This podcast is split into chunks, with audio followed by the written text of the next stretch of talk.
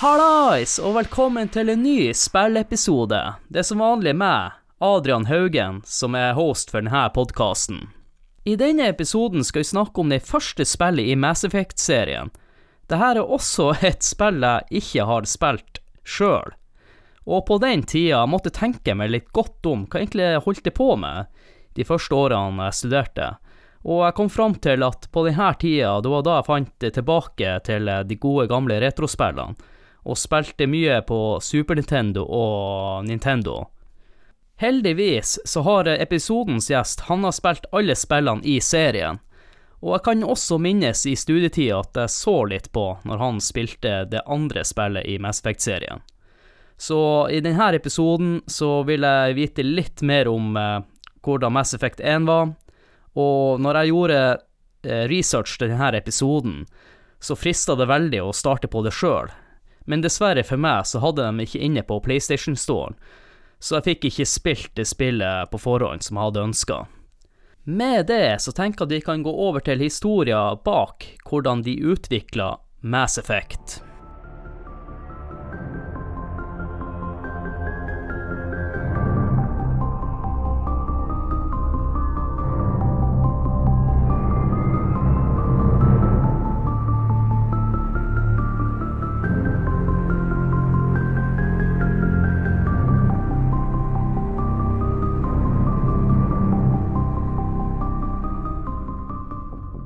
BioWare begynte utviklinga av Mass Effect i det første kvartalet i året 2004. Dette var rett etter BioWare hadde lansert spillet Nights of the Old Republic. Director for prosjektet var Casey Hudson. Han har også hatt samme rolle i spillet Nights of the Old Republic. Det første Hudson og teamet hans begynte med, det var å finne ut egentlig hva dette spillet skulle handle om og det her var en prosess de brukte mellom seks til åtte måneder på. I denne prosesstida så bestemte de at uh, spillet skulle inneholde digitale skuespillere. Og med det her så mente de ikke bare voice acting, men også at de skulle ha sånne dotter på kroppen som ikke kom på hva heter, sånn motion capture. De ville også at spillet skulle inneholde space explorationing og squad combat. Dette var de to hovedfaktorene de ville satse på for dette prosjektet. De bestemte at eh, Xbox 360 skulle være deres hovedplattform for utviklinga av Mass Effect, og hovedgrunnen til det var at de allerede hadde lang erfaring med å lage spill til Xbox. Som utviklingsmotor så valgte de å gå for eh, Unreal Engine 3. De her eh, kriteriene medførte at Mass Effect-prosjektet ble BioWares største programmeringsprosjekt på dette tidspunktet. BioWare hadde bestemt ganske tidlig at dette prosjektet skulle være det første kapitlet i en triologi. Den største fordelen med dette var at spillet ville bidra til å forkorte utviklingssyklusen til de andre spillene i serien. Og de kunne også videreføre teknologi som blir utvikla for dette spillet. BioWare ville lage et rollespill hvor hovedfokuset deres var at spilleren sjøl skulle få lov til å definere sin egen hovedperson. Grunnen til dette var at eh, utviklerne ønska at spilleren sjøl skulle ta på seg rollen som en sentral karakter som var nødt til å ta viktige beslutninger. Ifølge Hudson ville denne tilnærminga gi dem muligheten til å skape et unikt eh, level of intensity and cinematic power, som han sa samtidig som spilleren ville ha samme rolletilpasning som tidligere BioWare-spill. Utviklerne ønska ikke at spilleren skulle oppleve at de dikterte historien for spilleren, men at spilleren sjøl skulle kunne påvirke sin egen historie. Dermed hadde de et stort fokus på at spilleren sjøl skulle ta egne valg, men også oppleve konsekvensen av de valgene de hadde tatt. Når det gjaldt combat-stilen, så hentet de også inspirasjon fra Kotor, og de vil gjøre dette spillet til en real-time third person shooter. Combaten var ment å tilby spilleren muligheten for å benytte seg av både taktikk og customization som var ment for et rollespill, men gjennom et enklere og mer intuitivt brukergrensesnitt. Teamet hadde også et tett samarbeid med Microsoft, og sammen kjørte de tester for å finne rette balansen mellom rollespilldelen og shooterdelen av spillet. Noe annet som eh, utviklerne også hadde et hovedfokus på, det var å skape en følelse av oppdagelse og utforskning i spillet. Utviklerne ønska at spillet skulle inneholde en galakse som kunne utforskes utafor mainhistoriens eh, lokasjoner. Som et resultat av dette ønsket så måtte et veldig stort team til, som manuelt måtte bygge flere deler av galaksen. Han eh, Drew Carperson han fikk rollen som leadwriter for Mass Effect. Han hadde også jobba som seniorwriter for eh, Kotor. Måten teamet hans jobba på, var at hver writer fikk sin egen planet som hovedoppgave.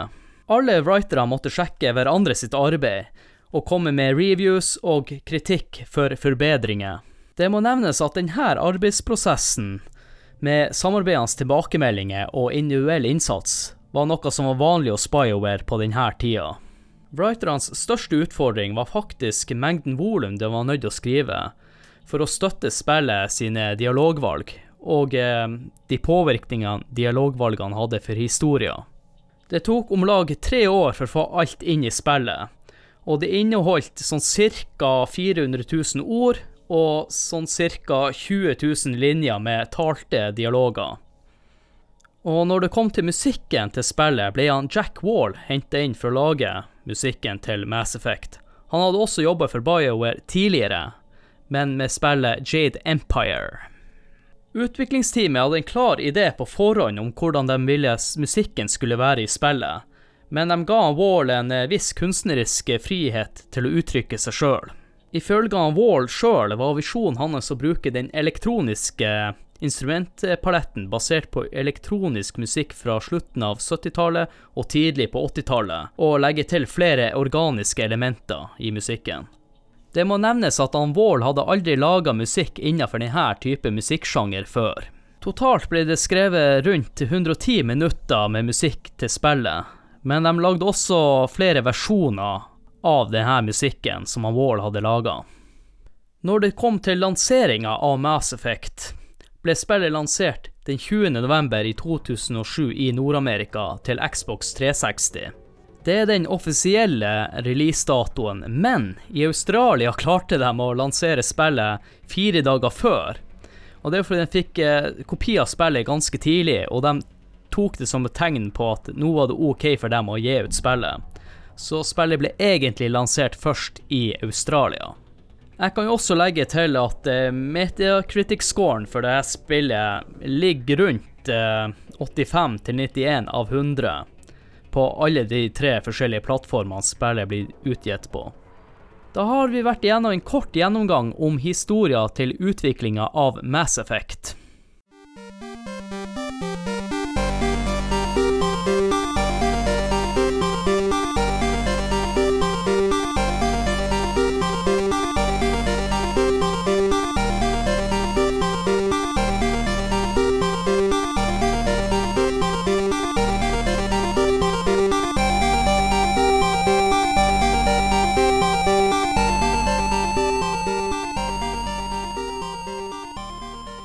Da har vi vært igjennom historien om hvordan Mass Effect ble eh, utvikla.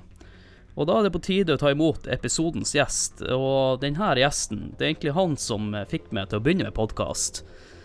Og uh, vi hadde jo også en idé for ti år siden om å lage noe sånn her i denne duren.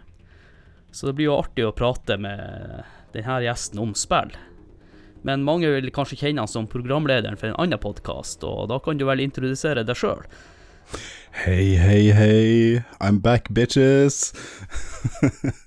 det er Ralf her fra Sidelinja, og fra R Dritt, og, og en og annen uh, fin fest nede i Sandefjord. Ja. De fleste kjenner deg vel kanskje best fra R Dritt. Så hvis dere, ja. hvis dere lurer på hvordan Ralf ser ut, så er det bare å gå inn på YouTube og R Dritt. Ja. Og så kanskje bare trykk abonnere også når først er der inne. Ja, ja, ja. ja. Må, men uh, nå har vi vært litt sånn sløv de siste månedene. så med, Det er jo sidelinja vi har vært aktive på. Så Men jeg skjønner at det har vært litt uh, det har gått litt tregt der òg, i, min, eh, i mitt fravær. Så vi får, vi får se hva, om, om vi får fart på greiene igjen nå. Det har vært litt, vært litt hektisk tid. Så kan jeg jo si til lytterne at den første spalten den blir spilt inn etter den her. Så hvis jeg høres litt sjuk ut eh, etter pausen Så stemmer det. For vi har jo egentlig planlagt å spilte inn denne episoden før jul. Så det er en stund Ja. siden. Men eh, vi må bare ta det nå, og så får jeg bare fjerne de der eh, hostekulene mine. Ja. Og så eh, må vi Ja. Altså, vi har jo planlagt lenge det her, men, eh, men eh, Ja, hva vi skal si. Det må gjøres. det endelig, skal vi snakke om spill. Da kan vi egentlig bare gå eh, rett på sak, da. Husker du ditt første minne med Mass Effect, og hvordan konsoll eller PC spilte du? Eller PC, det, det er litt feil sagt. eller PC? Jeg spilte på en uh, IBM uh, Nei, det var en Siemens Nixdorf. Nei, det gjorde jeg ikke. Det, jeg, spil, jeg hadde det på PC først. Det, uh, da det første kom, så hadde jeg jo ikke Xbox. Det kom på Xbox først, og så kom det på PC sånn halvår etter, eller noe sånt. Og eh, da måtte jeg selvfølgelig ha det. Så ja, PC. Som jeg bygde sjøl. Fulgte med i, på, å si, på nyhetene sånn, så du var klar over at spillet kom ut og Ja, du helvete. Jeg var jo eh, fan av eh, Star Wars eh, Nights of the Old Republic, som BioWare har laga. to toa er jo også bra. Det er ikke de som lagde den, da, men, eh, men det er de som har liksom laga grunnlaget i Kotor-universet, da. Og eh, jeg fulgte jo med på E3, og når de viste fram det her eh, Mass Effect 1 eh, første gangen på den her Jeg tror det var en Microsoft-pressekonferanse. Da var det like før jeg sprang ut og kjøpte en Xbox. Ja, altså, du var hypa rett og slett til å spille det her spillet. Absolutt. Jeg drikker øl, forresten. Ja, i denne podkasten så reklamerer vi ikke for sånt. Det er mer sånn sidelinja. Ja, men spill og øl, det går eh, Ja som eh, smør på håndtak. Jeg gjør sånn når man er sjuk, tar litt sånn cola. Ja. Ikke sånn i nesen, for den saks skyld. trø sånn trøste, trøstebrus. Vi har jo en eh, fun fact-spalte her. Oh. Som i sidelinja. Så jeg er litt spent på om du hørte de fun factene her eller ikke. Men vi kan jo begynne med den første. Jeg scrolla jo bare rett forbi dem, så jeg har eh, Ja, jeg har ikke sett dem, så nå er jeg spent. Eh, det første er Det var tenkt å ha en multiplayer-funksjon for enkelte segmenter i spillet. OK. Men jeg tenker at det kunne vært kult og Jeg vet ikke om det var mulig på den tida, da, at én en spiller kunne spilt hver sin karakter, for du er jo team på tre. Ja, noe Coop-greier hadde jo sikkert latt seg gjøre på en eller annen måte, men jeg tror ikke spillet hadde blitt noe bedre av den grunn.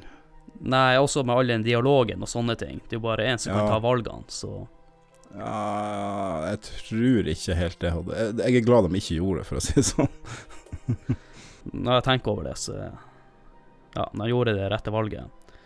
Eh, punkt to er eh, Salarians er basert på Grace fra Area 51. Det er de vanlige, kjente alien... Eh. Jeg vet, jeg vet ikke hva Grace fra Nei, men det er det vanlige alien, det hvite lille med eh, store, svarte øyne og Ja, ja, sånn, ja. ja okay. ok. De blir kalt for Grace. Ja, ok. Ja, de, de, er, jo, de er jo de meste sånn eh, klassisk alien-utseende i, i spillet, i hvert fall. Og så en annen karakter som heter Mordin, er basert på Clint, Clint Eastwood, faktisk. Jaha. Han er jo en sånn eh, hyperaktiv, eh, supersmart uh, sånn Salarian som du møter i toa, om jeg ikke tar feil. Og, og eh, ikke, jeg klarer ikke å se for meg Clint Eastwood som han, han er mer eh, sjelden Cooper enn eh, Clint Eastwood. Jeg må, jeg må nevne at eh, når jeg fant de funfactene her, så virka han som han tok for seg alle spillene. Så det oh, ja, kan hende okay. at det er et eller annet eh, funfact her som kanskje handler om et annet spill enn ena. Ja, for det, den her var jo to av tre. Ja. Du møter ikke han Mordin uh, Sollus, tror han heter til et navn. Stemmer det? Det er lenge siden jeg har spilt spillene, men uh, han, han uh, møter du i toa, jeg er ganske sikker på. Jeg, jeg tror han, han, han er skyldig Eller hans rase er i hvert fall skyldig for, eh, for eh, stort, stort eh, folkemord. Eh, og, og, så, som eh, har en del innvirkning på Mass Effect 1 da, sin historie. Ja, da kan vi gå over til neste eh, fun fact. Eh, Det er en lang uh, wall of text, som sier. Eh, Mass Effect-serien hadde opprinnelig et annet navn, som var Science Fiction X. Det eneste problemet var at utviklerne beholdt navnet så lenge at de ikke ville endre det. De tenkte sjøl at, uh, for, at forkortelsen til SFX Det var faktisk et magasin som hadde det navnet. Dermed ble SFX endra. Og det var sånn de kom opp med tittelen Mass Effect. Eller de hadde ti finalister, da. Og Mass Effect Ja. vant den konkurransen. Ja, Mass Effect er jo direkte linka til uh, spillet, så uh, godt valg, godt valg. Det er litt fun at de skulle kalle det for uh, faen var det, Science Fiction X. det er jo ikke bra. Da går vi på neste fun fact, da. Eh, modellen til han Shepherd er basert på en kar som aldri har snakka om at han har vært med i Mass Effect. Det er modellen eh, Mark van der Loo. Prøv å gjette hvor han er fra. Selvfølgelig Nederland. Mhm. Men han har til og med Hugo Boss ansikt eh, siden 2005. Å ja. Ja, kanskje jeg ser det for meg. Men du har vel gjort som mange andre og bare endra på ansiktet. Ja, det er jo det som er. Du, du, altså, du, du ser jo det der standardtrynet, enten det er han eller hun.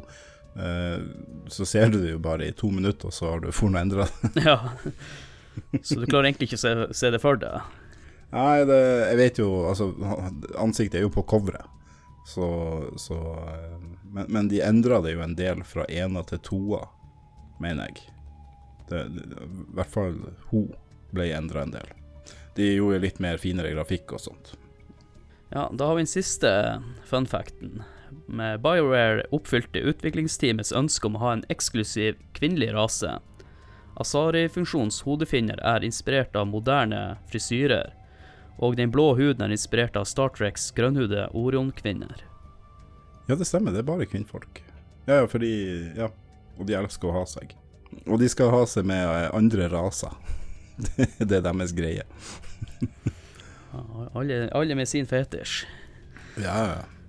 De har skikkelig fetisj på alt i universet. Da har vi jo vært igjennom alle funfactene. Var det noen du visste om fra før av, eller var det mye nytt? Nei, jeg visste ikke om noen av dem. Men uh, altså, nå har ikke jeg s- tenkt så mye på fun facts eh, i, i det hele tatt. Men uh, om de var så fun, det vet jeg ikke. Men det var facts, og det er jo fun. Ja.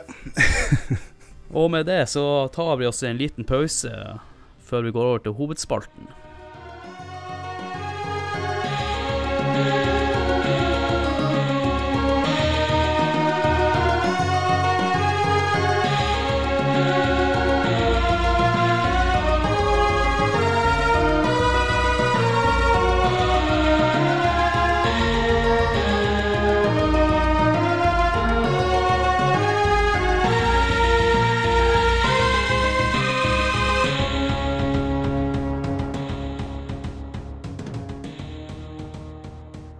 Er vi klar for hovedspalten, og eh, jeg tenker vi går rett på sak, Ralf. Eh, kan du fortelle litt om eh, backstoryen til spillet?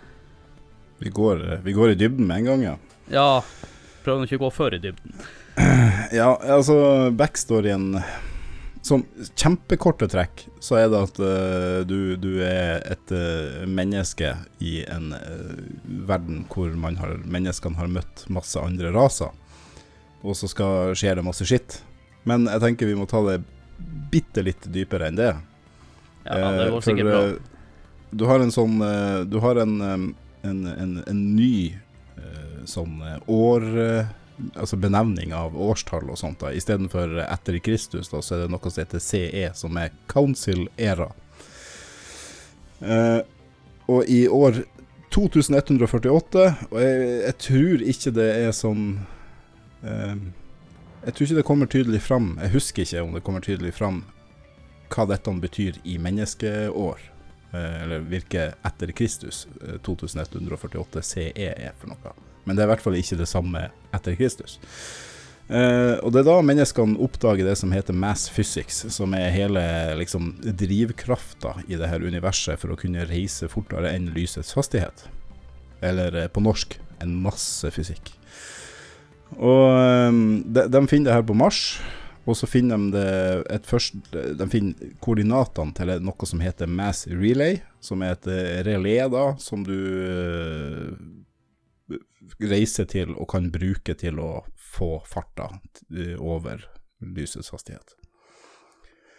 Eh, og så, etter det her, så lages noe som heter Systems Alliance, som er liksom den Kall det en svær eh, FN. Eh, bare av intergalaktiske proporsjoner mm. Eh, for jordboerne, da. Så de 18 største nasjonene på jorda har tegna denne eh, systemalliansen, da. Og det her skal da være den fremste utforsking og militærstyrken ut når de skal ut og da utforske verdensrommet. Det blir litt sånn Star Trek, sant. Enterprise og greier. så er det da i, ni år senere så er det, det noe som heter førstekontaktskrigen. Da hadde menneskene sust rundt med de her massereleene og utforska universet. Og så har de kommet over et sånn her mass relay da, som ikke fungerte. Og så har de prøvd å gjenaktivere det. Og dette er noe som da er forbudt av galaktisk lov etter Rakni-krigene. Vi kan komme litt tilbake til, det, de Rakniene etter hvert. som skjedde år 1 CE, altså det som satte i gang The Council Era. da. Eh, og det var da Turians, eh, som en annen rase, den kuleste rasen i hele spillet. da.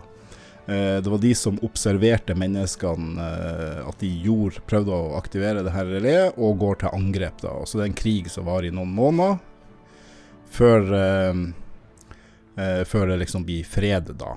Og, og, men det skal jo enda gå en masse år. Ikke før i, i 2165 blir, blir menneskene anerkjent som en, eh, som en, eh, en, en styrke da, i galaksen. Og eh, det her skjer da på et, en enorm romstasjon som er liksom verdens, eller galaksens administrative sentrum, som heter The Citadel. Uh, og denne Citadelen her, da, det er noe som er laga av en utdødd rase som heter Protheans. Uh, de levde for ca. 50 000 år siden, da. Så de, det var kjempe, kjempe, kjempelenge siden. Men uh, alle går ut ifra at det, det er Protheans som har bygd denne romstasjonen. Og alle bruker den fordi at eh, de fleste reléene, massereleene, de fører jo til The Citadel. Så det er dem som har funnet på den, eller kommet på den teknologien? Og... Ja, det er jo det man uh, i hvert fall går ut ifra i spillet. Det er det som er da bakgrunnen der. Uh, men uh, menneskene de får jo ikke sitte på det Citadel-rådet. Uh, eller det er den intergalaktiske rådet. De får ikke sitte der, men de får lov til å ha en ambassade da på, på denne Citadelen, som da er liksom en sånn der nudge-wink. Dere er, dere, dere, er anerkjent. Grunnen til at de blir anerkjent, er fordi at menneskene er sinnssykt ressurssterke, og de klarer å, utforske denne galaksen mye bedre enn alle andre. De, de, utvider seg noe voldsomt, så det, de har egentlig ikke så mange andre valg enn å ta menneskene inn og, og anerkjenne dem. Uh, så går man da fra 2165 og helt fram til 2183, som er da Mass Effect 1 starter. Som er da sagaen om uh, Shepherd, om du vil. da kan jo snakke litt om plottet, da. det handler jo om at du skal bli en sånn der Eller er kandidat til å bli et sånt spekter. Nei, det handler ikke om det. Nei, nei, men du begynner der. Ja, det, det begynner med at du eh, Det begynner med at du, du, blir bare Du er sendt ut på et uh, oppdrag fordi at en, uh, en uh, menneskekoloni på en på en planet, hva heter den? Eden Prime, mener jeg. Ja, ja Eden Prime. har blitt, har, de har blitt angrepet av noe som de ikke kan forklare hva er for noe noe, noe digert, men de vet ikke hva det er. Uh, og idet de blir sendt ut der, det skulle liksom bare være sånn rutineoppdrag. Det er veldig ja. Det er sånn gjenganger da i, i, i Gjenganger i Mass Effect-serien. Just another routine mission. Og uh, du blir sendt ut der, da, men uh, man flyr ut i det aller nyeste romskipet til menneskene, som er bygd også sammen med de her Turians, som de har slåss med tidligere, ja, som heter SSV Normandy. Ja, det er en prototype. Det er en helt ny skipklasse eh, som skal kunne fly fortere enn alle andre og navigere bedre enn alle andre og sånn. Eh, så man fer ut med den her fordi at uh, han uh, sjefen din, da, som heter cap'n Anderson, han er, det er han som eier det, liksom blir kaptein for det her skipet. Og du er med han. Du er hans kommandør. Og, uh, og, så er det også med en, en spekter da, på det oppdraget her, som er Turian. Og han er egentlig bare med der for å eh, for å observere eh, kapabilitetene til det her romskipet. Men også, men også, hvordan du oppfører deg når du, når du skal liksom inn i kamp. Ja, jeg tenker vi kan jo også mm, fortelle hva er en spekter. Det er jo også litt viktig. Ja, en spekter er en eh, soldat fra Det galaktiske rådet sin elitestyrke. Så det er en spekter det, det, blir litt sånn type en judge. Ja, jeg tenkte, jeg tenkte også på Judge Dredd. Ja, du, de, du, er liksom ikke bare en soldat. Du må, du, må, du må, løse ting der og da. Du må etterforske. De er, de er liksom alt mulig. Og, og, du er også nødt til å passe judgment eh, der og da, i mange tilfeller. Som er noe du eh, da får Altså, du blir jo en, du blir jo en, eh, en spekter etter hvert. Men nå har du ikke spilt hele spillet, for på planeten der så finner du tak i sånn en uh, beacon, hvis jeg ikke husker helt feil. Ja, det, det, som skjer på Eden Prime, da, for vi, vi kan jo spoile starten sånn sett, uh, at du, du kommer dit, du um, uh, Så viser det seg at Eden Prime har blitt angrepet av en robotrase, da, som heter Geth. Uh, og Geth det er, en, uh, altså det er roboter som er bygd av en annen rase som heter Quarians, som fant opp uh, noe super Altså som klarte å finne opp skikkelig AI, da. Mm. Problemet De her skulle de bruke, de robotene skulle, skulle være til fabrikker og diverse sånne ting. De skulle bruke dem til å hjelpe dem. Men det resulterte jo i det som det alltid gjør. Det er jo at eh, AI-en tar over, og, og de gethene de starta en krig mot Quarians, og Quarians ble nesten utrydda. Og de lever jo på romskip som eh, nomadefolk nå. Fordi at eh, homeworlden deres er jo, er jo beslaglagt av de er geth. Men det er ingen som har sett en geth på sida Geth Wars, som var ganske mange år før menneskene i hele tatt kom i kontakt med, med, med de her. Som var lenge, lenge før der. Så det har vært en stor krig da, hvor Gethen ble liksom stoppa. Uh, og de har liksom vært utfor det outer rim, eller hva det heter, i, i denne verden, da. Ja. Men nå er de plutselig på denne planeten. Og så finner du da denne beacon her nede. Uh, som er en slags uh, sånn informasjonskapsel eh, som inneholder informasjon fra, eller en beskjed fra Protheans. Uh, og denne greia her, den uh, gir deg da en uh, veldig blurry ja, visjon av verdens undergang. Men du vet ikke om Altså, du vet bare at det her er verdens undergang, men du vet ikke om det er noe som har skjedd, eller om det er noe som kommer til å skje. men, men noe skikkelig bad er det i hvert fall. Eh, så det er dette det starter med denne visjonen din, da. Eh, så viser det seg også at eh, de har blitt observert en annen spekter. Og du får jo også se det her i en cutscene når du har landa. At han, han, han spekteren som var med deg i det her romskipet, han heter Nailus, Nihilus ja. mener han heter. Stemmer. Han blir drept av en annen spekter som heter Serren. Og han blir liksom overraska. Serren, hvorfor hvorfor er du her? Og, og, så, ja, ja, og så snakker de litt buddy-buddy, og så går han videre, og så blir han skutt i ryggen. Eh, og han er jo også blitt observert av eh, folk på bakken der, eh, og du må da eh, finne ut, altså finne informasjon om, om, at det her faktisk er han som er skyldig. Eh, og det her skjer jo tilbake på Citadel, da.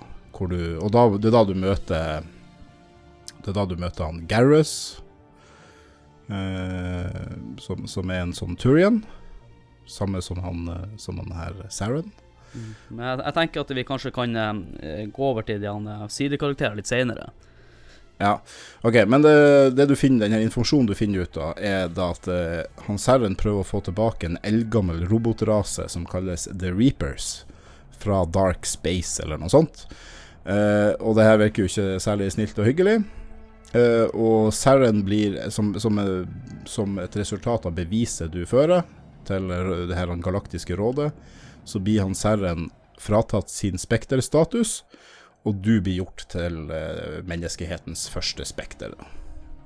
Og så får du skipet og halve kongeriket, og så skal du ut i verdensrommet da for å jakte ned han Serren. Det er det som er da målet Ja. ditt i spillet. Og men for å gjøre alt det her, så må du jo velge din egen karakter, som snakka om i stad. Å, herregud, ja. Tar to timer. Jeg skal ikke gå i detalj, men du har muligheten til å velge en kvinnelig eh, shepherd og en mannlig shepherd. Og du velger kun menneske du kan velge som rase. Ja. Det er jo Historia er jo et, etter et menneske. Eh, hvordan av de her kjønnene bruker å gå for, og, og hvorfor går det for det kjønnet? Eller hva du, hva du syns er best å velge? Første gangen så spilte jeg gjennom som uh, mannlig shepherd. Og så andre gangen jeg spilte gjennom det på Xbox. Da spilte jeg uh, den kvinnelige shepherd. Og kvinnelig shepherd er, det er den beste shepherden. Stemmeskuespilleren er så utrolig mye bedre. Og, og eh, ja, hun, hun er den beste. Ja, er det noe an annet sånn generelt i gameplayet som kun er satt av til den mannlige karakteren og den kvinnelige karakteren? Nei, det er ingen forskjell. Uh, begge blir kalt for shepherd. Altså, de sier navnet ditt shepherd hele tida. velger du han, så er default name er John Shepherd, og velger du henne, så er det Jane Shepherd. Men uh, de sier jo alltid shepherd. Og um, du heter jo Commander Shepherd, da, så, så det, det er sånn de har snekket seg rundt den.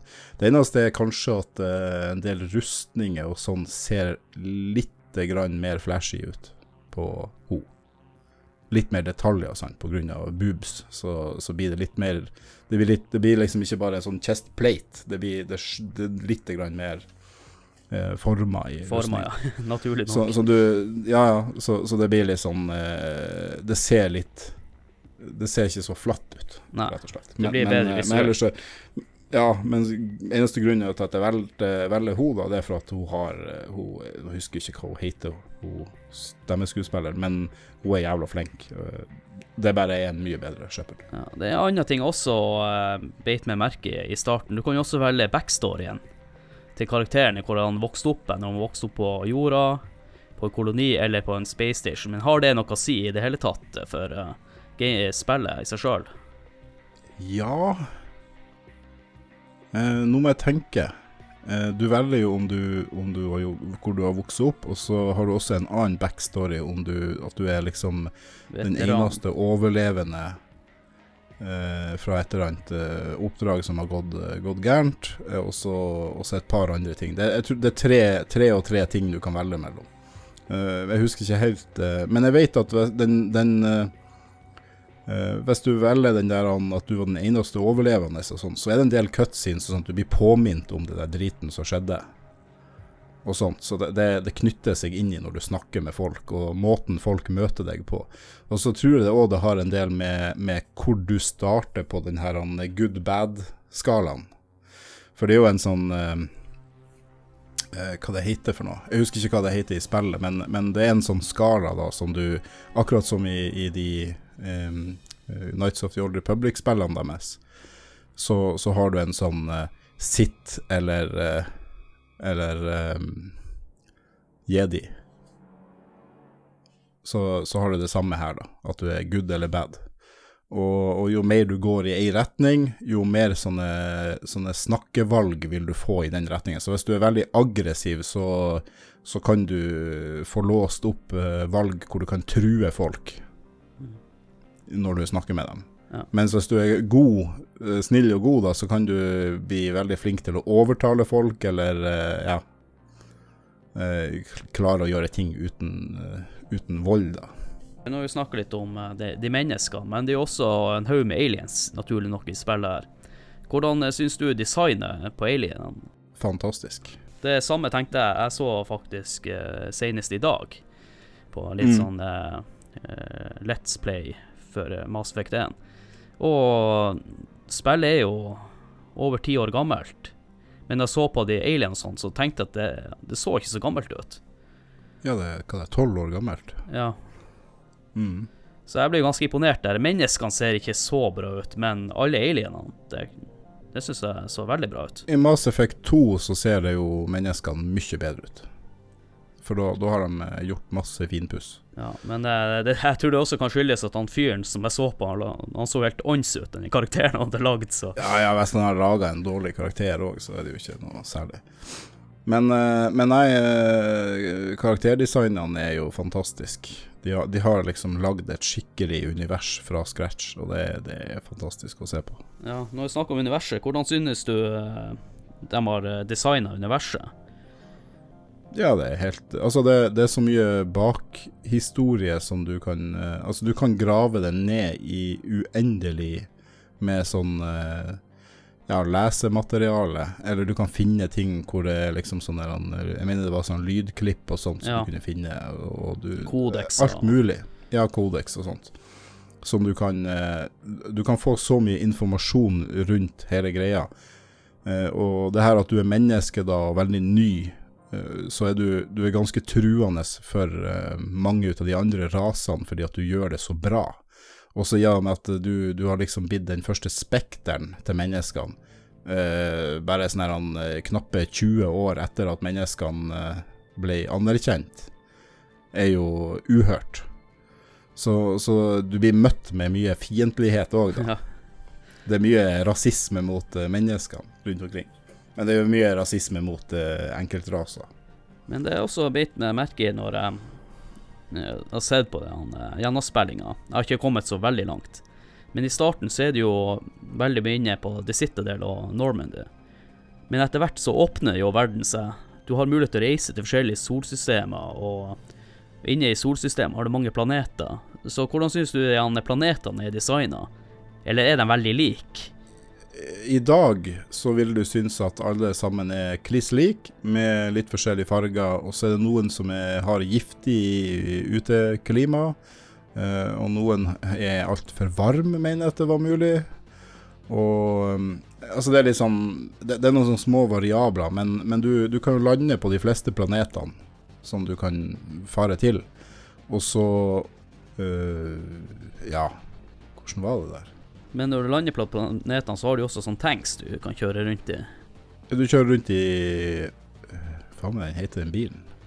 Men Du, du kjører rundt i en sånn firehjul, firehjuling, og med kanon oppå. Ja, den ser jo veldig ut som hva heter den, Sisu-vogna i militæret. Ja, ja, ja. Den ser jo litt ut som en uh, skikkelig heavy duty sånn.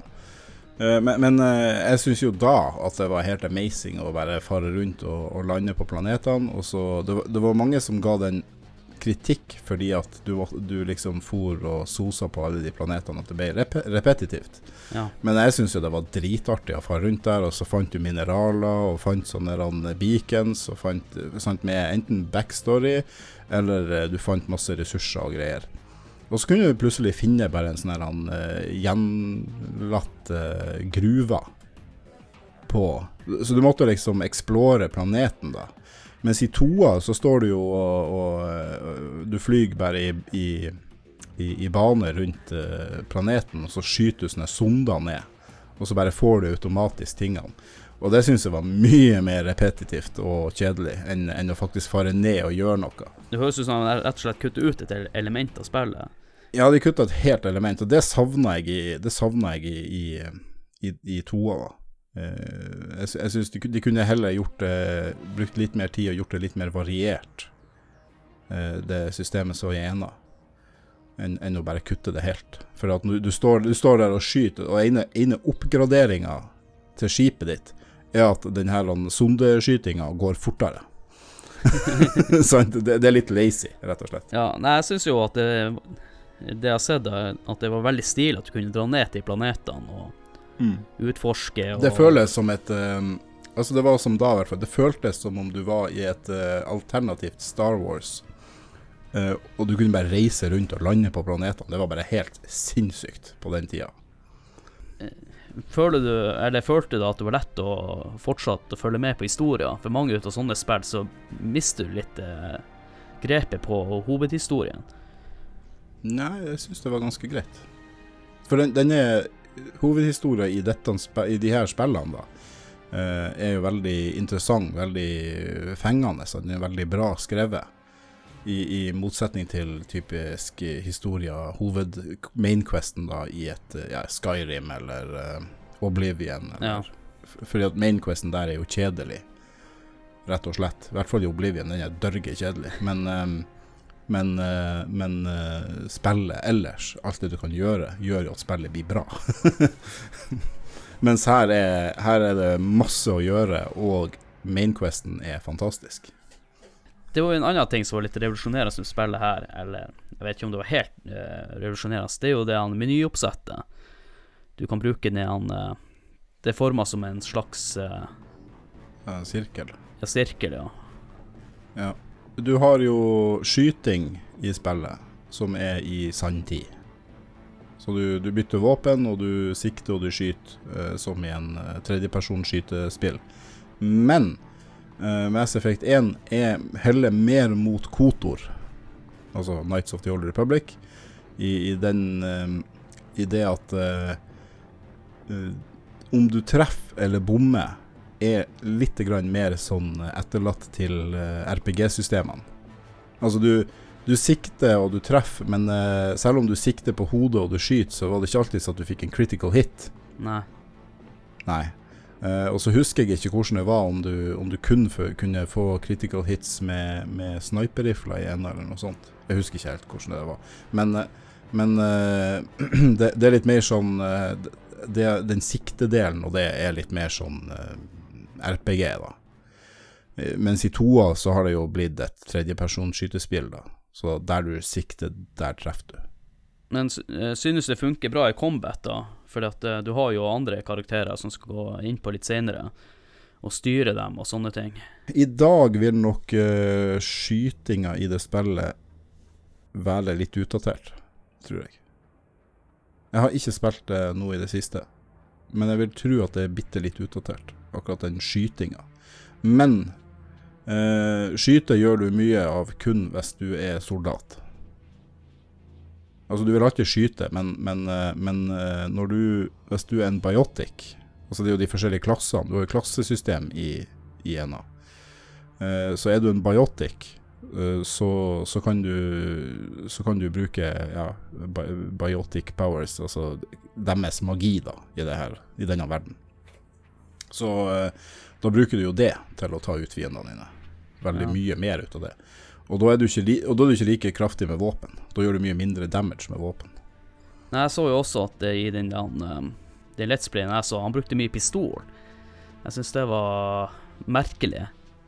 Pistolen er, er, jo, er jo det kraftigste våpenet i spillet. Ja, det er det jeg syns var litt merkelig. Hvorfor bruker han ikke assault rifle? Det er jo stort sett det man kjenner igjen i samtlige sånne skytespill. Er det er shit Men å assault bruke. rifle i det, i det i ena er veldig underpower, og, og den eh, Altså, den er, den er fin til å, til å eh, spise opp eh, skjoldene til fiendene, Ja.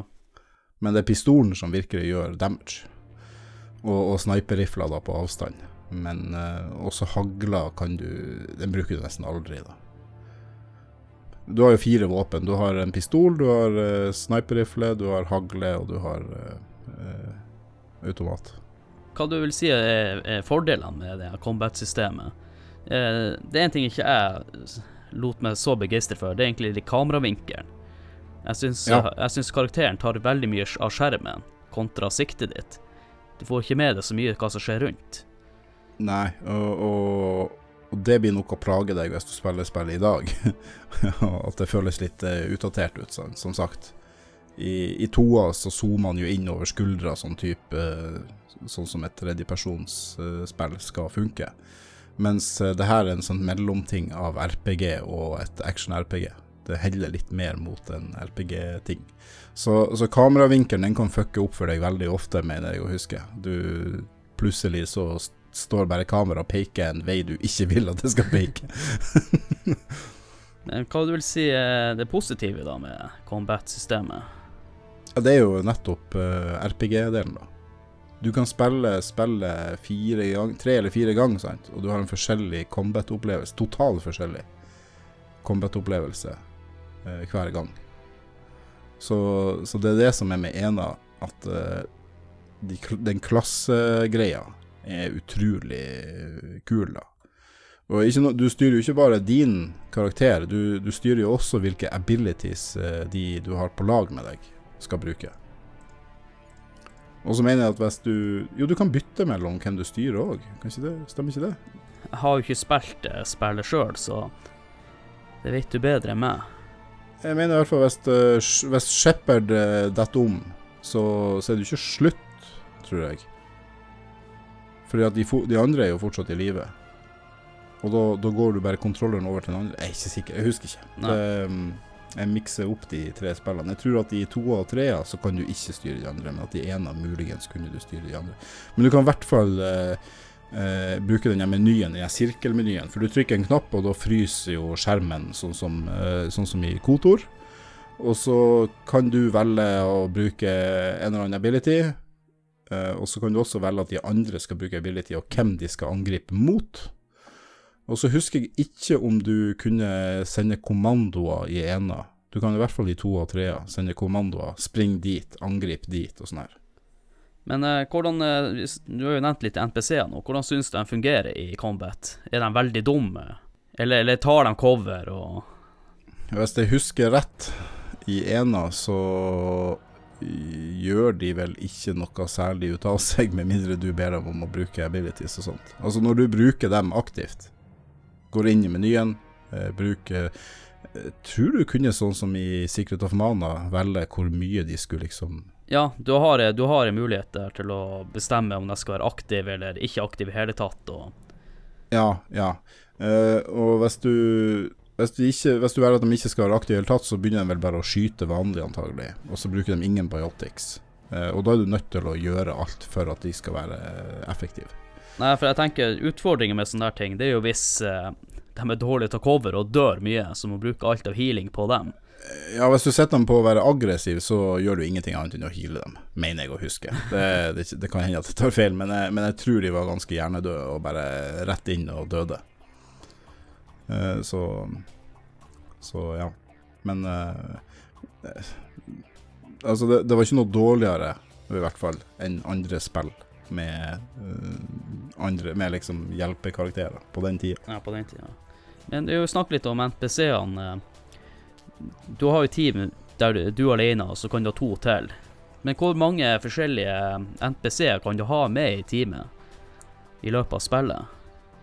Ja, du har uh, Den første du får uh, på laget ditt, heter Kaden Alenko. Han er et menneske. Og han er den som er med deg på første oppdraget. Da, da er det bare dere to. Eller nei, det, du har en tredje kar òg, men han dør med en gang. Stemmer. uh, og så møter du hun Ashley Williams som, på den her Eden Prime, som er da et menneske. Som, eh, som er da en, eh, en eller annen ja, ren soldat. Han Caden er en biotic. Uh, og så, når du da kommer tilbake til Citadel, så møter du uh, han Gareth Vacarian, som er en Turian, som tidligere sagt. Og så møter du han Urdnot Vrex, eller bare Rex. Ja, han er litt kul. Som en, ja, som en Krogan. Og Krogan er jo sånne han, uh, svære jævla brutes. Eh, som ser ut som, jeg vet da faen, ei padde med to bein og bare muskler. Ja, og jævla svær nakke. Ja, ja, enorm nakke og ja Sånn dragescales i panna og greier. Uh, det er vel alle Jo, også Liara til Sony, som er en sånn um, Asari. Og det er da 1, 2, 3, 4 Jeg har gjort det notatet på de karakterene. 1, 2, 3, 4, 5, 6 stykk. Ja, det må stemme, det. Ja, 6 stykk. Så det er totalen på det. Det er totalen. Du, du, får vel alle ganske tidlig spill òg, hvis ikke jeg tar helt Ja, du får, eh, du får jo Liara, som er den Hun er den siste du får, og hun får du vel på oppdraget etter at du har blitt uh, Spekter. Og, eh, og så har du da to nøkkelpersoner til, da. Det er han eh, ambassadør Udina, som er Nor Norges, nå skal du høre, Menneske, menneskene sin eh, ambassadør på The Citadel. Og så har han kaptein Andersson, som jeg eh, nevnte Som har blitt tidligere. degradert. Du, du tar jo over skuta Normandy etter han. Ja, han eh, gir jo skuta til det. Jeg husker ikke om han ble skada, eller hvordan det ble. Men eh, Nei, han hadde prøvd å bli Spekter en gang i tida. Ja, stemmer. Og så ble du den første, og, og så vil han bare gi deg det beste skipet. og alt sånt der. Han har jo liksom Du er litt sånn eh, den sønnen eller dattera han aldri hadde. Ja. Så han er liksom fa farsfigur, eh, han er Captain, Anderson, da. Men det er jo bra når du er inne på dialogsystemet. Det er jo egentlig veldig viktig det spillet her. Det er jo en stor bit av det her spillet. Hvis du misforstår For, for greia da er jo eh, I hvert fall i Mass Effect 1, da, så er det Så kan det stå for eksempel, altså Noen sier jo noe. Eh, det er samme greia i Jeg mener Altså, det funker på samme måte som i, i eh, Kotor. Eh, men, eh, men det har jo enda mer eh, Altså, det, det, kan gå skikkelig til helvete, da. Jeg husker ikke, husker ikke helt Kotor. Det er så lenge siden jeg spilte de spillene. Nei, nei, men uh, det er ikke så nøye. Det er ikke det vi skal snakke om. men, men, uh, men, men i hvert fall uh, Altså systemet er jo det samme. Det baserer seg på det samme. Du snakker med en NPC, og så sier de et eller annet, og så kan du velge hva du skal svare. Da får du en sånn sirkel, og så har du liksom valgene dine. Og så går det tilbake på det her med, med hvor, eh, hvor eh, Ja, kall det ond du er, eller hvor god du er. Eh, så kan det låse opp ekstra valg i det her snakkesystemet. Eh, og da eh, kan du, sant, istedenfor å prøve å true en dude med, med at 'jeg skal banke deg', så kan du faktisk ta nakketak på han og dryle han inn i veggen sant, og trykke pistolen i trynet på han og, og, og bare 'hør her, din lille dritt'. så det er liksom Det er forskjellen på valgene, så istedenfor å prøve å, å, å være For det er ikke alle som lar seg Jeg tror det står en tekst. Det kan jo være eh, eh, Det kan jo stå 'I don't agree', og så står det 'threaten', mener jeg, i parentes. Altså du skal true dem. Eh, men men eh, så kan det være av og til at du er litt kjapp å velge, for at det står ikke Det står bare en kort, bit, bitte liten sånn tekstsnutt. Og så velger du den for at du føler at ja, dette er sikkert det rette. Og så sier da karakteren noe helt horribelt. for at du ikke har helt eh, skjønt konteksten da til det de prater om, og så velger du litt for kjapt. Eh, så det, det, det, er litt, eh, det er noen ganger at eh, du kan ha litt sånn morsomme dialoger med, med, med NPC-er, hvor, hvor det ender med at du ja, sier til dem noe du ikke hadde lyst til å si til dem. Men det lurer jeg også på med dialogene. Det låser jo opp valg og Har noen påvirkning på ting som skjer seinere? Eller er det sånn at det virker som du har muligheten til å påvirke noe, men du ender på samme plassen uansett hva du velger? For mange av sånne her type spill, det er at de gir en illusjon at du har valget til å gjøre mye, men du ender opp i, på samme linja uansett. Altså, Mainquesten vil jo sende deg i samme retning uansett. Men, eh, men eh, du har en del sidequests og sånt som, som kan ende med at du, du tar livet av Hvis det er noen banditter, eh, så kan det ende med at du tar livet av dem, eller at du overlater dem til, til å bli liksom fengsla, eller noe sånt. Eller at du, du slipper dem fri, og at de forlater da. Og peacefully, da. Og så som en sånn her liksom bittersweet. Ja. Uh, og, og da, hvis du da slipper dem fri, så kan det hende at du seinere møter en av dem, eller at de sender deg, eh, at de sender deg en gave i, i, i posten, da. uh, og det, det skjer jo da i, i main-storyen, da, blant annet, hvor du, du kommer til et, til et et sted hvor du, hvor du får valget mellom å ta livet av den siste raknien. Sånn raknidronning, da. Det er jo sånn her han eh, Virker som en eh, blanding av reke og skorpion som bare er dritstor. Eh, og, og de snakker jo De kommuniserer telepatisk. Men du, du, er, du, har, eh, du har gjort noe skitt, og så skal, står du igjen da med den her dronninga, liksom Hva skal vi gjøre med henne? Vi vil jo ikke ha et nytt eh, Da er liksom valget Vi vil jo ikke ha et nytt sånn her jævla Rekni-opprør. For det har vært Rekni Wars da for, for lenge. Eh, Grunnen til at det ble en krig, var fordi at de rekniene, de dronningen, de bodde jo på en planet også inni sånn her, langt inni planeten, sånn som i Starship Troopers, vet du. Ja. Eh, og, kunne, og det var ingen som kunne kommunisere med dronningen, så, eh, fordi at det var så langt unna. Og da ble det bare krig. så, for det var de som styrte sant, hele, alle de soldatene, da. Så det blir jo liksom en sånn, sånn maur, da, men de ser jo ut som ei krysning av, eh, av reke og skorpion. Så du, du, du får valget da å enten ta livet av henne, eller å la henne leve. Og, og, for hun lover at hun ikke skal gjøre noe gærent. Og hvis du lar henne leve, så får du treffe på dem igjen i toa. Hvis du, hvis du tar livet av henne, så treffer du jo ikke på dem. Da har du utrydda den rasen. Ja, men det er jo kult at han klarte å flette det der i hop. Ja, det er jo det som gjør at, at det er veldig spesielt, for dem skulle jo Greia i denne serien er jo, er jo at alle de her store valgene du gjør, skal påvirke slutten i trea. Eh, noe de ikke gjør, da. ja, men det, det, får bli en annen diskusjon. Det, det var noe executive, executive decisions på slutten som gjør at uh, trea Jeg tror på ja, ca. fem minutter så ødelegger trea hele Mass Effect. Men, uh, men uh, trea er et fantastisk spill helt opp til de siste fem minuttene. Så, så det, det, den serien er uansett verdt å spille. Det er bare det at hele verden var jo i denial ei stund. det var jo kollektiv sorg i hele gameverden. Nei, det var jo en Det er jo en annen ting som også gjør dialogsystemet til å være ganske bra. Det er jo voice acting generelt. Jeg syns det er ganske bra voice acting, også med tanke på når tida spillet ble lagd. Ja, det, og, det, og det er noen erfarne voice actors, mener jeg. Uh, nå husker jeg jo ikke hvem som har de forskjellige, men uh, kvinnelige Shepherd er jo awesome. Uh, han, han, som spiller han Gareth er jo også fantastisk. Det er mye av grunnen antagelig til at du, det, blir, det blir de fleste sin favorittkarakter ja.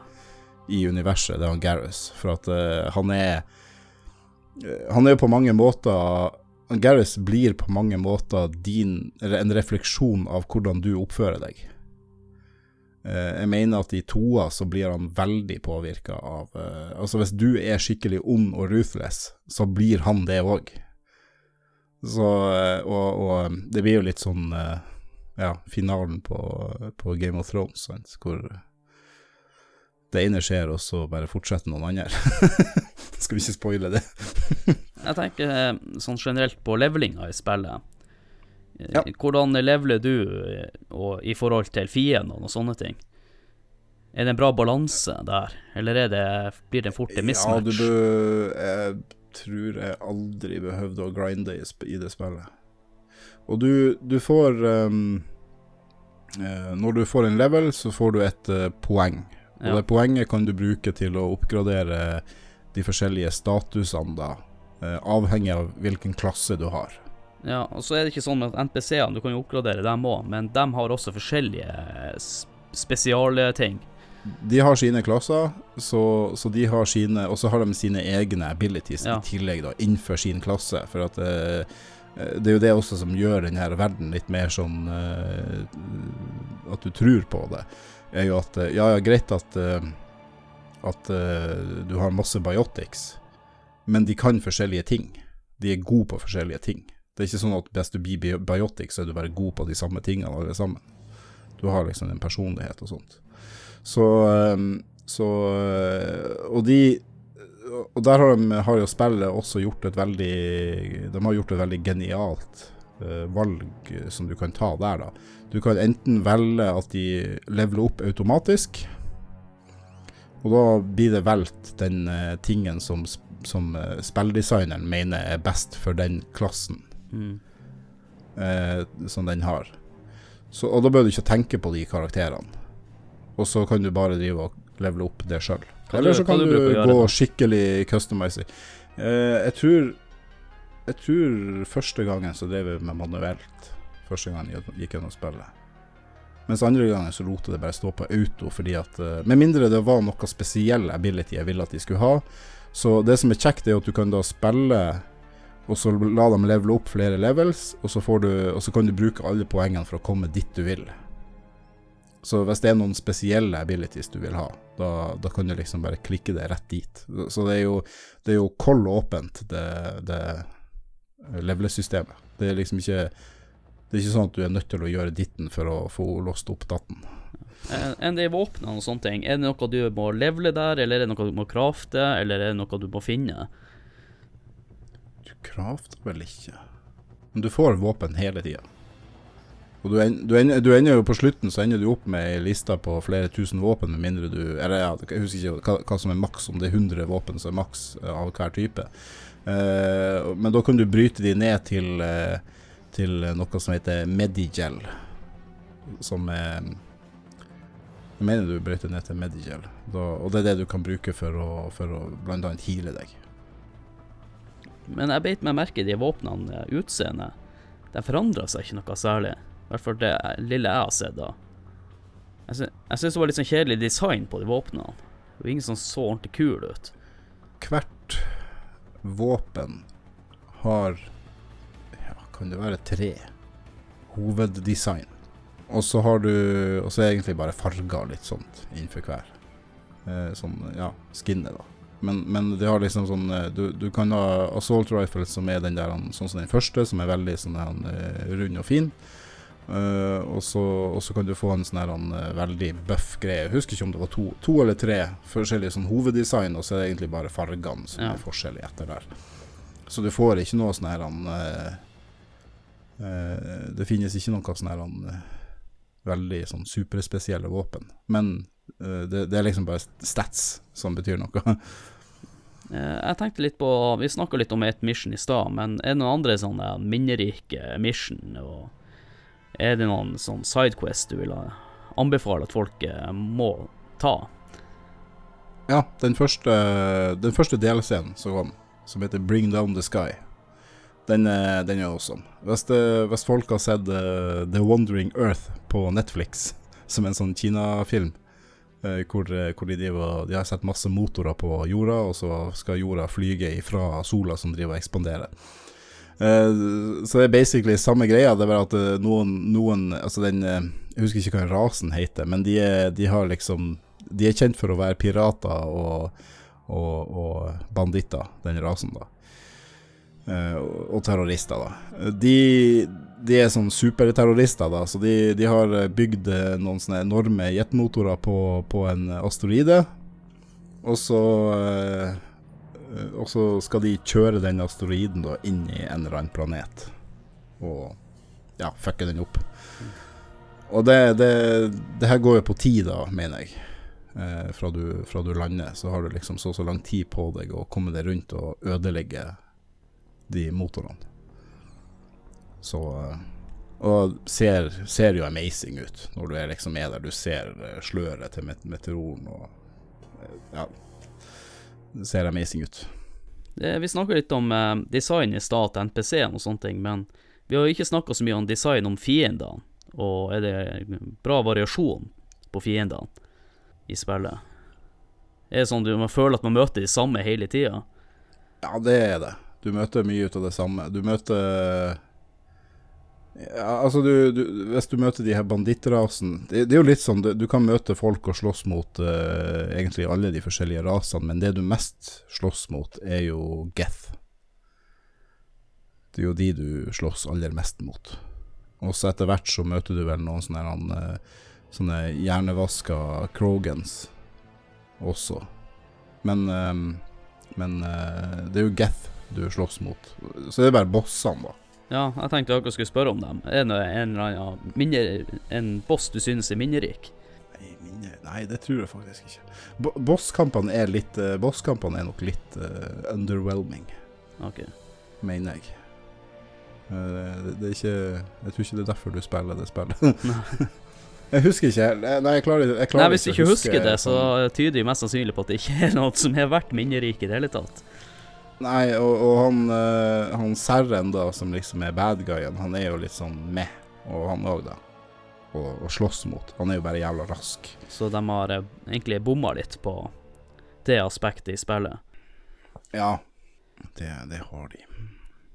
En lut og sånt, hvordan uh, synes du Føler at du blir belønna for all den explorationinga du snakka om i stad, når du besøker planeter og sånne ting? Ja, du, du, du, får jo hele tida lut. Du får hele tida nye våpen.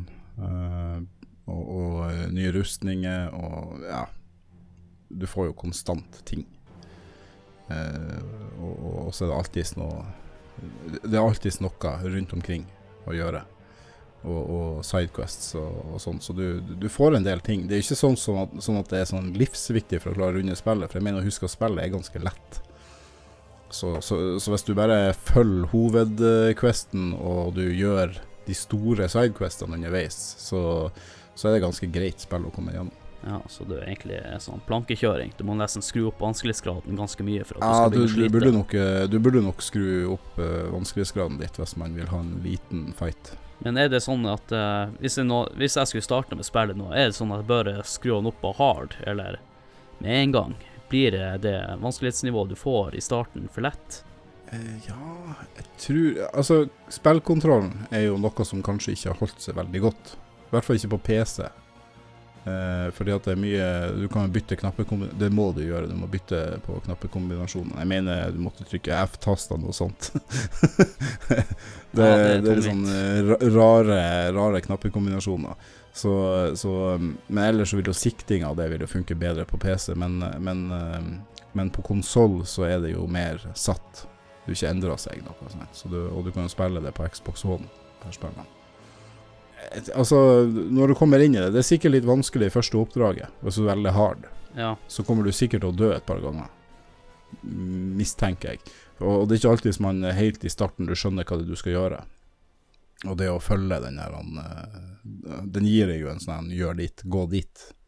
Men uh, jeg husker ikke ena, jeg tror den kanskje var litt diffus. Men kan du skru opp vanskelighetsgraden underveis da, eller? Nei, det tror jeg ikke. Jeg husker ikke. Kanskje du kan det. Og jeg tror du får uh, mer XP okay. hvis du gjør det på hard. Kanskje. Ikke helt sikker. Det oppstår jo også noen sånne morsomme situasjoner i spillet. Du kan jo pare deg med andre. Ja, ja. Altså, det, ja, jeg noterte meg jo her at det, altså det, kan være greit å nevne at det her spillet er et, et spill du kan ha deg i øst og vest. og det blir, det blir, selvfølgelig Og det blir, hvis du driver på med det her, da, og, og har deg i øst og vest, så blir det selvfølgelig kjærlighetsdrama. og, og, men, men, men, slapp av. Hvis du er flink, så mener jeg at du kan feie over alle før eh, siste båsen. Så du kan ha det med, samme, med, med alle kjønnene òg? Menneskelig rase. Nei, i, i ena kunne du vel ikke ha deg med samme kjønnet. Så den er vel utelukka. I trea kan du i hvert fall det. Jeg husker ikke om du kunne i toa. Så da kan du bare gå all out be. Full grådig. Men det er jo en annen ting også som er litt sånn spesielt med spillet. Det er jo musikken. Ja, fantastisk. Ti av ti. Ja, vi har ikke kommet så langt vi skal rate, men ja, ja. Kan jo spørre det igjen etterpå. Musikk ti av ti. men jeg tenkte vi kunne snakke litt. Eh, den setter jo i skikkelig sånn stemning. Du føler jo ja, at det er sånn science, eh, science fiction-stemning. og ja, ja, det er skikkelig stemning fra du starter, liksom fra, fra første skjermen, liksom, når spillet starter. Og, og når, du, når du liksom trykker 'new game', og du har valgt karakteren din og alt det her, så er det bare Det gir deg jo chills. Du får jo gåsehud fra, fra, første stund, liksom, når de bare snakker om ah, er, er, er Shepherd eh, rette mann for denne jobben, eller rette kvinne for denne jobben? Eh, og, og, og, så videre og så videre. Og så liksom Ja, det, det er bare så sykt gjennomført. Men eh, det er jo en annen ting jeg også eh, lurer litt på for vi som Eller dem som ønsker å spille spillet for, for første gang, da. Det er det mye bugs i det spillet her? Nei, det tror jeg ikke. Det mener jeg ikke, og jeg tror ikke jeg har Det var sikkert noen få bugs en gang i tida. Men jeg kan ikke huske annet enn kamera, som kan være litt pikk innimellom. så, så tror jeg ikke Så tror jeg ikke Jeg har i hvert fall ikke opplevd noe bugs sånn. I hvert fall ikke noe som har ødelagt ting.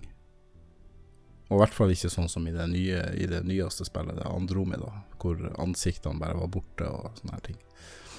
Ja, du snakka jo i stad om den ene DLC-en, men kom det noen flere DLC-er til Mass Effect? Ja, det gjorde det, men jeg husker ikke hva de heter. Jeg tror det kom tre Det kom i hvert fall to DLC-er. Til Mass Effect 1? Til, til, ja. Uh, to eller tre. Det kom veldig mange til toa, husker jeg. Og de var også jævla bra. Men uh, Men ja.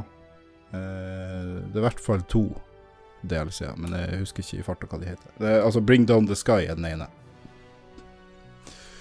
Og så husker jeg ikke hva den andre heter. Eller tredje. Ja, Det kan jo fort hende at det blir en Mass Effect 2-episode også en gang i, i framtida. Det skal du ikke se bort ifra, for det er også et uh, amazing spill. Ja, og som jeg har hørt, så er det kanskje en, Eller det, det er det beste spillet i serien. Det er det beste spillet i serien, det er det. Uh, men Ena har Altså, Ena setter jo Altså setter jo standarden. Og så, og så, gjør de bare ja, nesten alt bedre i toa. Men de tar bort Jeg syns de tar bort litt for mange rollespillelementer. Ja, sånn som det er planetgreier Ja, men også levelinga. Eh, du, du I ena så har du abilities og sånt som du kan levele opp, mens i toa så, så, så er det nesten bare sånn uh, fighte-ting du ja. oppgraderer. Og i trea er du nesten bare rein shooter. så um, Nei, det, det, det, det, var tydelig at de skjønte at de måtte gjøre det til mer uh, action-RPG ja. når de lagde toa. Det var nok et rett valg, sånn salgsmessig i hvert fall.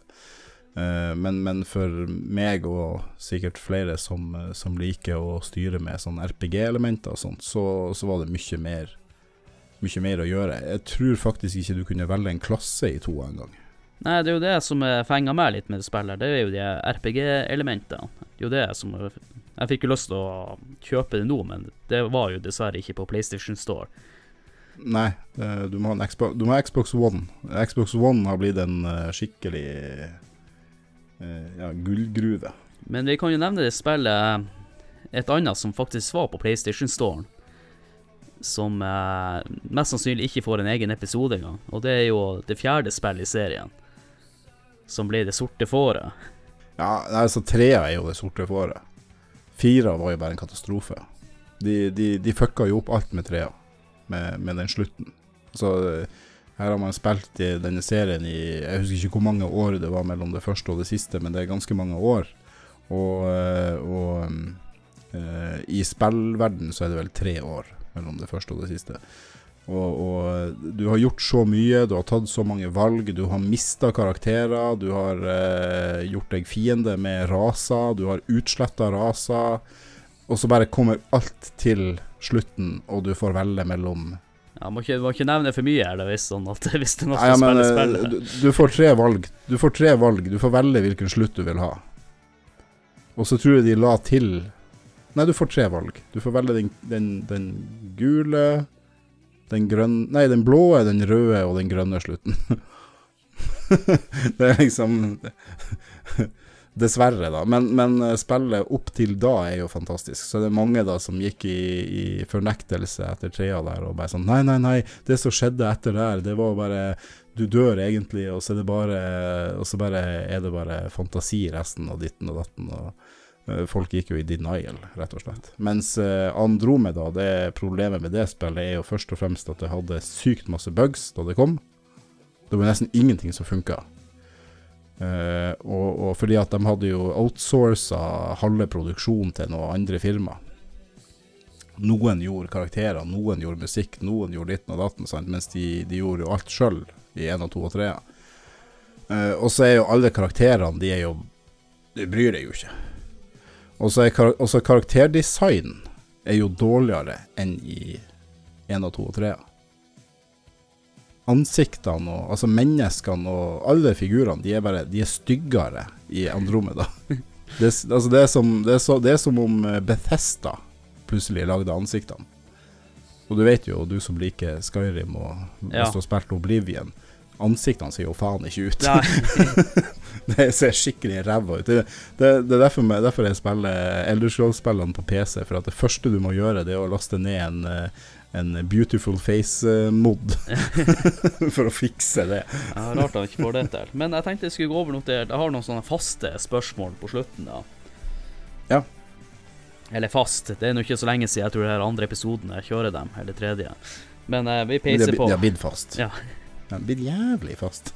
Vil, du si at eh, Mass Effect 1 er fortsatt et bra spill i dag? Ja. Absolutt. Ja, så kan jeg ta neste, da. Hva, vil du si at dette spillet var viktig for spillutvikling for de spillene som kom etter det? Absolutt.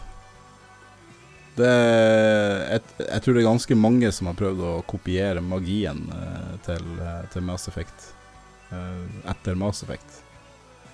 Og, og eh, det er ikke mange som lykkes. Altså, historiefortellinga er jo først og fremst. Eh, det er ikke mange spill som kommer på det nivået. Um, vi snakka litt om eh, nybegynnere i stad. Eller ikke, jeg vil ikke kalle nybegynnere, men folk som ikke har spilt spillet før. Har du noen tips til dem når de skal starte sitt første game? Er det noe de bør levele, ha fokus på å levele først, eller eh, Det var noe du, det, det var noe du måtte Jeg sier måtte, men hvis du skal gjøre, få det mye lettere, så er det, det er en del ting som er, som er lurt å, å ta, seg, ta seg av først. Eh, som sagt, det levelsystemet er veldig åpent. Det, det er vel noe sånn at du, du må ha så og så mange levels på en par ting for å få låst opp neste ting i, i, innenfor samme grein, da. Men, eh, men eh, ja, det, der er noen greier der. Men det, jeg husker ikke i farta hva det var. Men eh, det er sånn Det er liksom sånn eh, Før du begynner å bare plotte inn eh, Først og fremst, gå inn og sjekke at ikke autoleveling står på. Jeg tror det faktisk var en måte å kunne risette karakteren din. Men om det var i ena, det husker jeg ikke. Eh, at du kan faktisk eh, få alle poengene tilbake, og du kan reallokere dem. Men ja, eh, jeg anbefaler bare se litt gjennom. Og, og så igjen, da. Det, det, er så mange valg i det her spillet. Du har, eh, du har valgt eh, en eller annen klasse òg, så den klassen du velger, påvirker jo det her. Hvis du er soldat, så sørg nå for at du, du er At våpna At du kan gjøre mye damage med våpen, og at du tåler mange skudd. For du blir stående i åpent terreng. Så er liksom eh, de fleste velger sikkert soldat, så da, da er det lurt å få øh, bedre rustning og, og sånt. Men du har noe sånn biotic abilities, noe sånn flamme Du kan kaste noe flammegreier og sånt, mener jeg å huske. Og de kan være veldig effektive i starten. Ja, og så har jeg et lite kontrollspørsmål, da. Er det noe vi har glemt å nevne? Det er jo sånn at eh, jeg regner med at eh, det er sikkert mye vi har glemt å nevne. Ja, det er masse. Herregud. Det, det er sånn enormt spill at det er, det er så vanskelig å ta eh, Altså, det er jo historier i det spillet. Det er litt sånn eh, Vi kunne jo snakka om den, eh, men da kan jo hende at vi spoiler litt for de som kanskje er interessert i å spille det, men, eh, mens de som har spilt det, vil ha lyst til å høre og bli litt påminnet om hva som skjedde, og kanskje de har lyst til å spille det på nytt.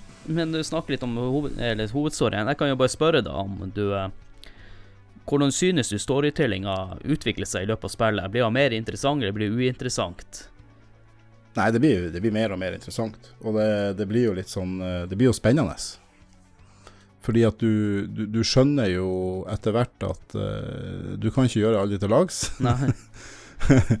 og um, ja, du Særlig med det her kjærlighetsgreia, sant. At hvis du får og, og flørter med noen, så, så vil jo det ha konsekvenser med kommunikasjonen din med andre karakterer. Sånn som i virkelig liv. Ja. Uh, men, uh, men sånn for å, for å ta liksom eh, Litt sånn eh, Altså, du, du, du mister jo minst én karakter i løpet av spillet. Én karakter kommer minst til å dø. Altså minst en, en blir å dø. Ja, det er en spoiler. Ja, men eh, Ja, ja, men men, det- men det, det det, det, liksom Det er sånn flere, flere kan dø. Det er det som er greia. Men, eh, men jeg kan garantere deg at i hvert fall én karakter kommer til å dø. Og, og, og, og det som er da Som jeg er litt Er jo det at du står der med knappen og er nødt til å velge mellom to onder. Så spillet setter deg i en sånn situasjon at eh, OK, du får velge det som er drit, eller det som er drit. Ja, det, det er litt kult, sånne her ting. Og, og, og, sen, og, senere, senere kan du komme i en konflikt hvor du, hvor du kan velge mellom å, å, å, å velge drit, skikkelig drit, eller kanskje klare å, å komme deg ut av situasjonen. Men det kan gå skikkelig drit. Ja, da skal jeg stille det aller siste spørsmålet i hovedspalten. Er det her spillet jeg bør sjekke ut sjøl? Ja, skaff deg en Xbox One X. Eller, eh, eller eh, så kan du alltids kjøpe det på, på EA Origin.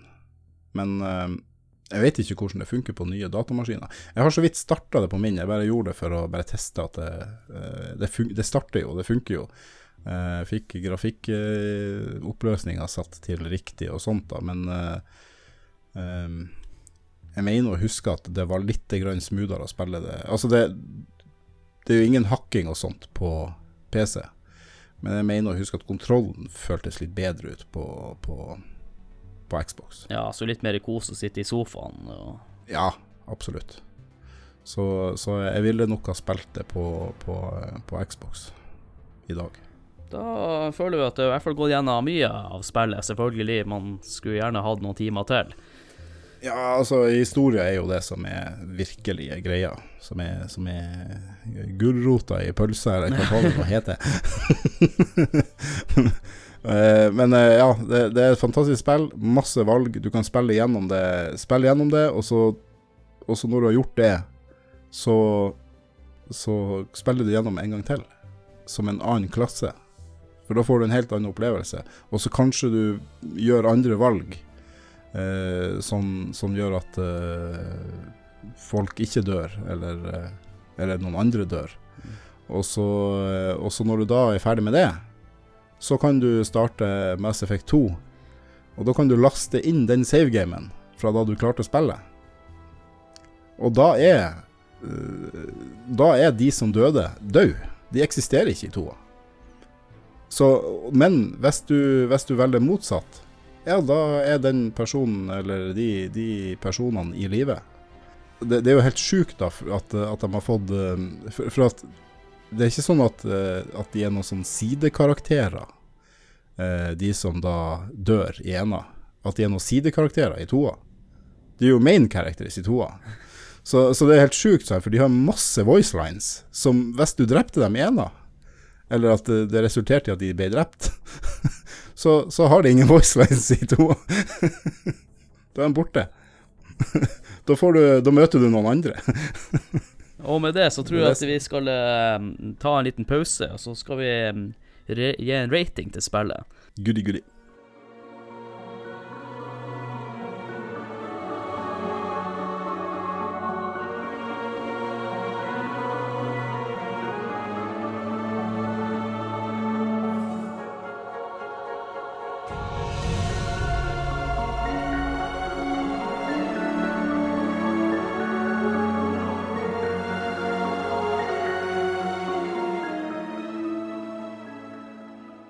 Er det på tide å gi spillet en liten rating. Og måten vi gjør det på, det er at vi bruker karakterskalaen fra det gamle Nintendo-magasinet. Der vi bedømmer fem kriterier, og skalaen er fra én til ti. Og de fem kriteriene er grafikk, lyd, spillkontroll, underholdning og holdbarhet. Og da begynner vi på grafikk. Ja, det er jo eh, Altså, det er jo Det er 3D-spill. Det er litt uh, Det er jo utdatert nå, men uh, jeg vil jo fortsatt uh, Jeg regner med dere ga sikkert et Nintendo-spill eller noe sånt ti av ti. Så jeg, jeg, jeg vil påstå at det ser såpass bra ut i dag i dag at det er en ti av ti. Ok. Um, der vil jeg gi det eh, åtte av ti. Og så må jeg si at jeg har ikke spilt spillet sjøl. Så noe ut av det her får du dobbeltstemme på.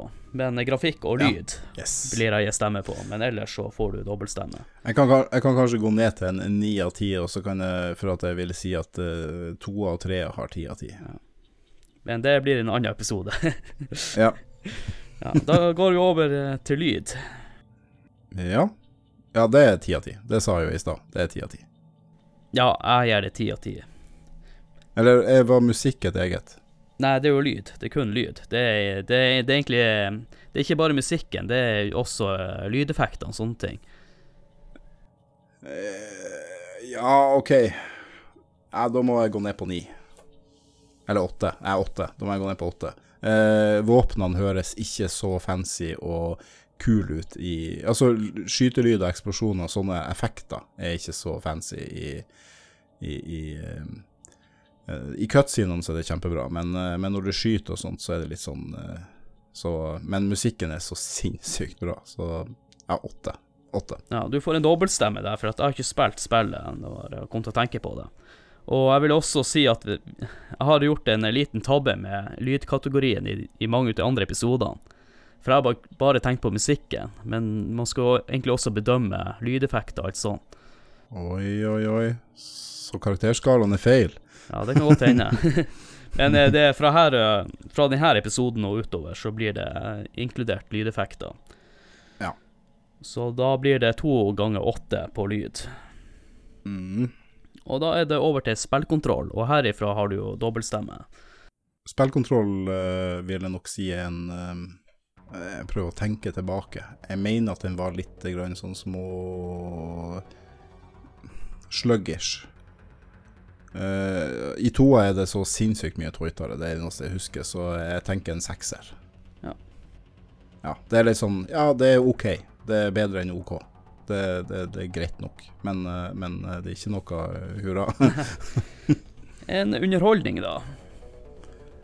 Underholdning er ti av ti. Ja, Kort og konsist. Ja, ja, det her er et, eh, det er et spill jeg eh, alltid kommer til å huske, så hvis jeg ikke ble underholdt av det, så hadde jeg ikke huska det.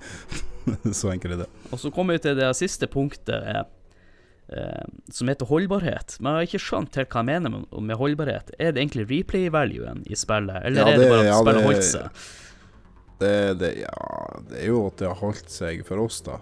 Men, men det er jo også at du kan spille det på nytt, og det gjør det jo absolutt. Du, som jeg sa, det siste jeg sa, du kan spille gjennom det, og så spiller du gjennom en ny på en gang til, eh, som en annen eh, klasse, og så tar du litt andre valg som gjør at eh, andre karakterer dør eller overlever. Du kan bytte kjønn òg, så kan du feie over det andre som du ikke fikk feid over i første omgangen. Men jeg, jeg lurer på om vi bare kjører, kjører, kjører det punktet her eh, som eh, Hvordan har det holdt seg, rett og slett? For det, jeg tror det er det vi har gjort i alle andre episoder. Ja, hvordan det har holdt seg, så Jeg syns jo det har holdt seg kjempebra. Eh, nå, altså, nå har ikke jeg starta og spilt det skikkelig nå. Altså, jeg har starta det nå, eh, for noen dager siden, og, og begynte litt på første mission og sånt, og, og grafikken er jo fin. Eh, og, og spillkontrollen var litt sånn Sånn som jeg husker. Ja. At den er litt sånn sluggish og sånn, så eh, Hva vi skal si? Vi sier en sjuer. Det har holdt seg veldig bra, egentlig. Eh, Men altså, å holde seg perfekt, type Super Mario Bros. 3, er jo en tier. Vil jeg tro. Men, men, eh, men ja. Det har skjedd en del på tredjepersonskytespill. Ja, jeg, jeg, jeg, jeg tror vi blir å ende opp med mange av de 3D-spillene. Jeg tror det blir vanskelig å få full score hvis ikke spillet er for gammelt. For eh, når vi snakker om 2D-spill som gjort i, i Super Mario World-episoden og Zelda Link to the Past, så er det en sånn grafikkstil som har tålt tidens tann.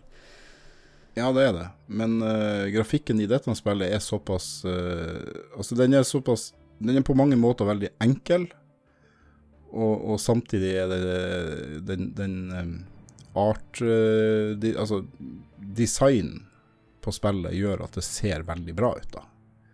Men, men grafikken i bunn og grunn er jo egentlig ganske enkel. Men uh, det er jo kanskje et av de mest fargerike Unreal Engine 3, er det ikke det den er på? Det er den som alle brukte. Jo, jeg har nok nevnt det her i den første spalten, så jeg fortsatt ikke ennå har tatt så du ikke har tatt det opp ennå. Ja, Uh, jeg vil tro at det var Unreal Engine 3 de brukte, og, og eh, det er nok et av de mest farge... De fleste spillene var brune. brun på Unreal Engine 3. Bare tenk på alle Unreal Engine 3-spillene, så husker du nok at de var brun. De hadde sånn brun det next gen-filteret på seg. Det har jo vært igjennom gitt en liten rating i spillet. Jeg tenker etter hvert også at jeg skal poste ut i ratingen til de spiller, forskjellige episodene eh, vi har snakket om. Eller ikke rating av episoden, men rating av spillene vi har snakket om. Men vi får nå se når jeg legger ut den lista. Og så er det jo den han eh, Må jo reklamere litt for den podkasten også. Så gjerne Ja. lik og del eh, episodene. Eh, Gjerne lik Facebook-sida. Og jeg oppfordrer også folk til å Jeg blir å legge ut en post der om episoden. Og gjerne kommenter under deres minner fra Mass Effect. Det er veldig artig å lese, og kanskje man også kan ha en liten diskusjon. Ja, og kommenter gjerne om du fikk lyst til å spille spillet av å høre på. Ja. Jeg tror, jeg tror vi har gått eh, sånn Vi har gått passelig i dybden uten å Uten å egentlig spoile eh, sånn hva som skjer i spillet. Ja. Eh, Det er klart, hvis du, hvis du Med mindre du har levd under en stein, så har du Så har du nok på et eller annet tidspunkt fått, fått med deg hva som skjer i, i, i den serien, for den er såpass eh, Da den kom, så var det såpass stort. Så de, de fleste har nok hørt om det, selv om de ikke har spilt det. Så må vi nevne at spill, det ligger ikke under eh, spill i seg sjøl. Det ligger under eh, podkasten jeg har for programleder i sidelinja. Så hvis dere har lyst til å følge med på spill, så må dere følge sidelinja, og der er vi på iTunes, Soundcloud og Spotify. Hvis jeg har fått med meg alt. Mm. Vi holder alt samla igjen. Ja. Ja. Vi gidder ikke å gjøre det så avansert. Det jeg også nevnte i forrige episode, er jo at eh, jeg slipper å betale dobbelt. Ja, som betaler for det, han, eh, begge de to podkastene. Ralf og han Jan og han Håkon, dere er sånn gratispassasjerer. Ja, vi er freeloaders. Ja, og med det så er det vel bare å takke for meg, altså. Takke til eh, gjesten. Ja, vær så god, er det det jeg skal si. Ja. og, og tusen takk. Tusen takk, tusen takk. Så håper jeg at du kan være med i eh, flere episoder også. Ja, vi har jo to til spill i denne serien å snakke om. men, eh, men, vi har, eh, men vi har mange eh, fantastiske spill å snakke om, herregud. Det, det er så mye bra. Det er så mye bra der ute fra gammelt av. Det er mye, det er mye bra nytt òg, men, men ja. Neste episode blir vel å si, favorittspill. Så tenker jeg som vi har i lag. Men vi ikke å si hva det er enda. Det blir som en surprise. De som har fulgt med, har kanskje fått det med seg eh, på et eller annet tidspunkt. jeg, mist, jeg mistenker ved at vi nevnte det på den første, den første offisielle sidelinjeepisoden. Ja, det kan godt stemme. Jeg tror det kanskje ble nevnt der, men, eh, men ja. Ja, og med det så sier jeg bare ha det. Hei, hei!